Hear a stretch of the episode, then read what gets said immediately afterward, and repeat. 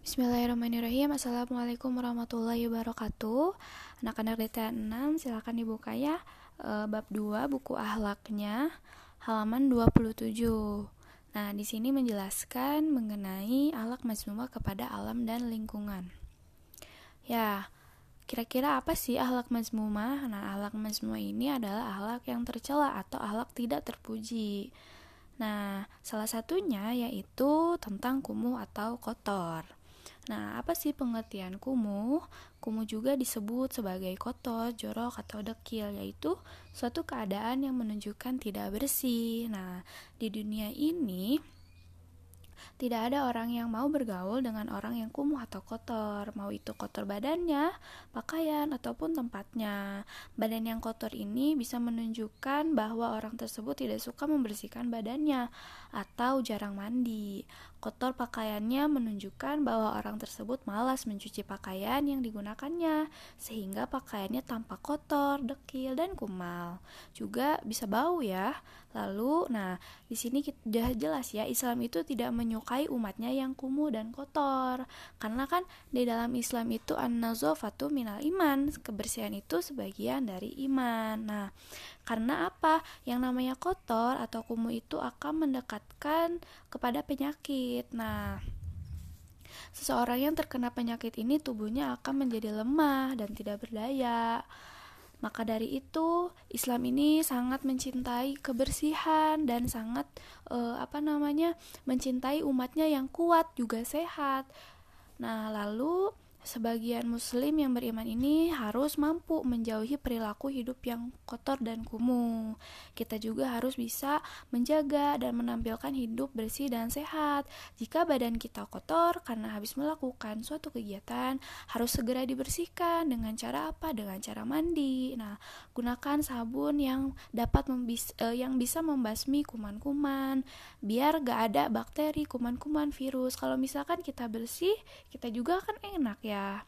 Nah, di sini juga dijelaskan bahwa Rasulullah selalu mencuci pakaiannya, menjahit bajunya dan membuat sandalnya sendiri. Tuh. Perilaku hidup kumuh dan kotor ini akan e, mendatangkan banyak kerugian ya.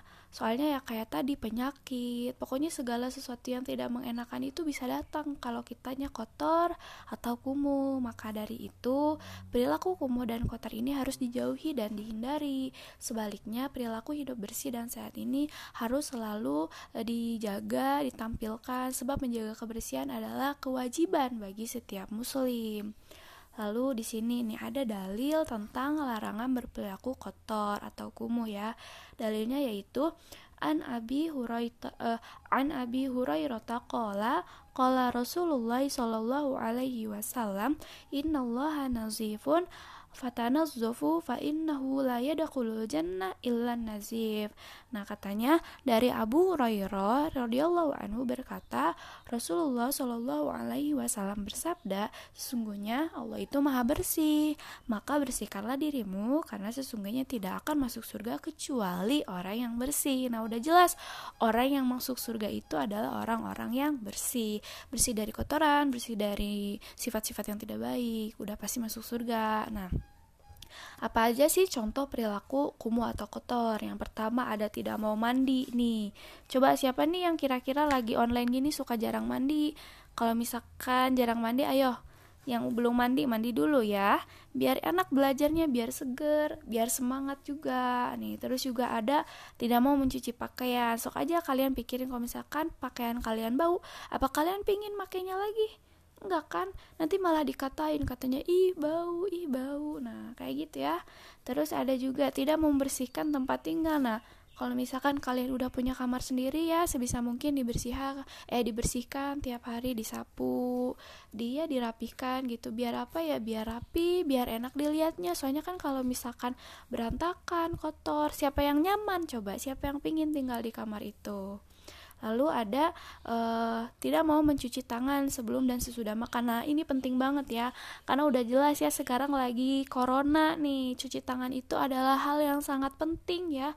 Soalnya apa kita nggak tahu kan di, di tangan kita itu ada apa? Apakah ada bakteri atau ada virus berbahaya yang bisa membahayakan tubuh kita? Makanya kita harus harus rajin cuci tangan sebelum atau sesudah makan pokoknya kalau misalkan kita habis pegang sesuatu ya kayak uang atau ya pegang-pegang uh, fasilitas umum gitu ya sebisa mungkin harus cuci tangan. Dari luar juga habis pergi uh, cuci tangan dulu biar apa? Biar nggak ada kuman yang ikut uh, ke kita gitu. Terus juga membuang sampah sembarangan ini udah jelas dampak atau uh, efek negatif yang ditimbulkan dari membuang sampah sembarangan ini banyak banget ya. Salah satunya banjir. Makanya kenapa uh, membuang sembarang ini sangat perlu dijauhi dan sangat tidak boleh dilakukan ya. Kalau misalkan kita lagi berpergian kalau nggak ada tempat sampah sebisa mungkin ya sampahnya dibawa lagi pulang ke rumah gitu kan. Daripada kita mengotori dan buang sampah sembarangan. Uh, oke okay, mungkin masih ada nih satu lagi yaitu kisah akibat orang yang kumuh atau kotor. Nah, di sini diceritakan ya Ramzi adalah seorang santri DTA dan juga siswa SD kelas 6. Meskipun telah duduk di bangku kelas 6, Ramzi masih bersifat kekanak-kanakan. Mungkin karena ia anak bungsu dari lima bersaudara, Ramzi memiliki kebiasaan buruk yang belum dapat berubah sampai saat ini, yaitu berperilaku kotor dan jorok. Pada acara pelepasan kelas 6, semua siswa diwajibkan ikut kegiatan tersebut.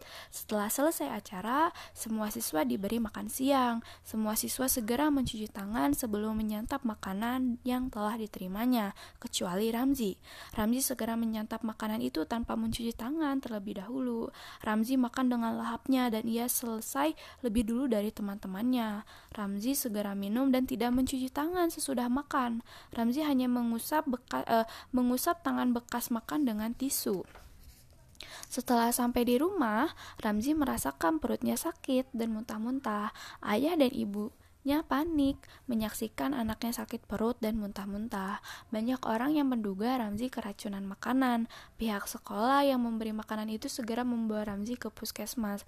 Tak lupa sampel makanan juga diperiksa di laboratorium dan beberapa teman Ramzi Hasil laboratorium menunjukkan bahwa dalam makanan tidak terdapat zat racun dan beberapa teman Ramzi juga tidak ada yang keracunan. Akhirnya, hasil pem pemeriksaan diketahui bahwa Ramzi sakit perut oleh kuman yang dibawa dibawa dari tangannya karena tidak mencuci tangan sebelum makan. Ramzi pun mengakui bahwa ia mempunyai kebiasaan buruk yaitu tidak mau mencuci tangan sebelum makan. Demikianlah akibat dari e, perilaku kotor dan kumuh. Nah, dari situ kita bisa e, kasih kesimpulan ya bahwa segala perilaku buruk atau seperti kotor dan jorok itu e, akan mendatangkan efek negatif atau dampak yang tidak baik bagi kita ya.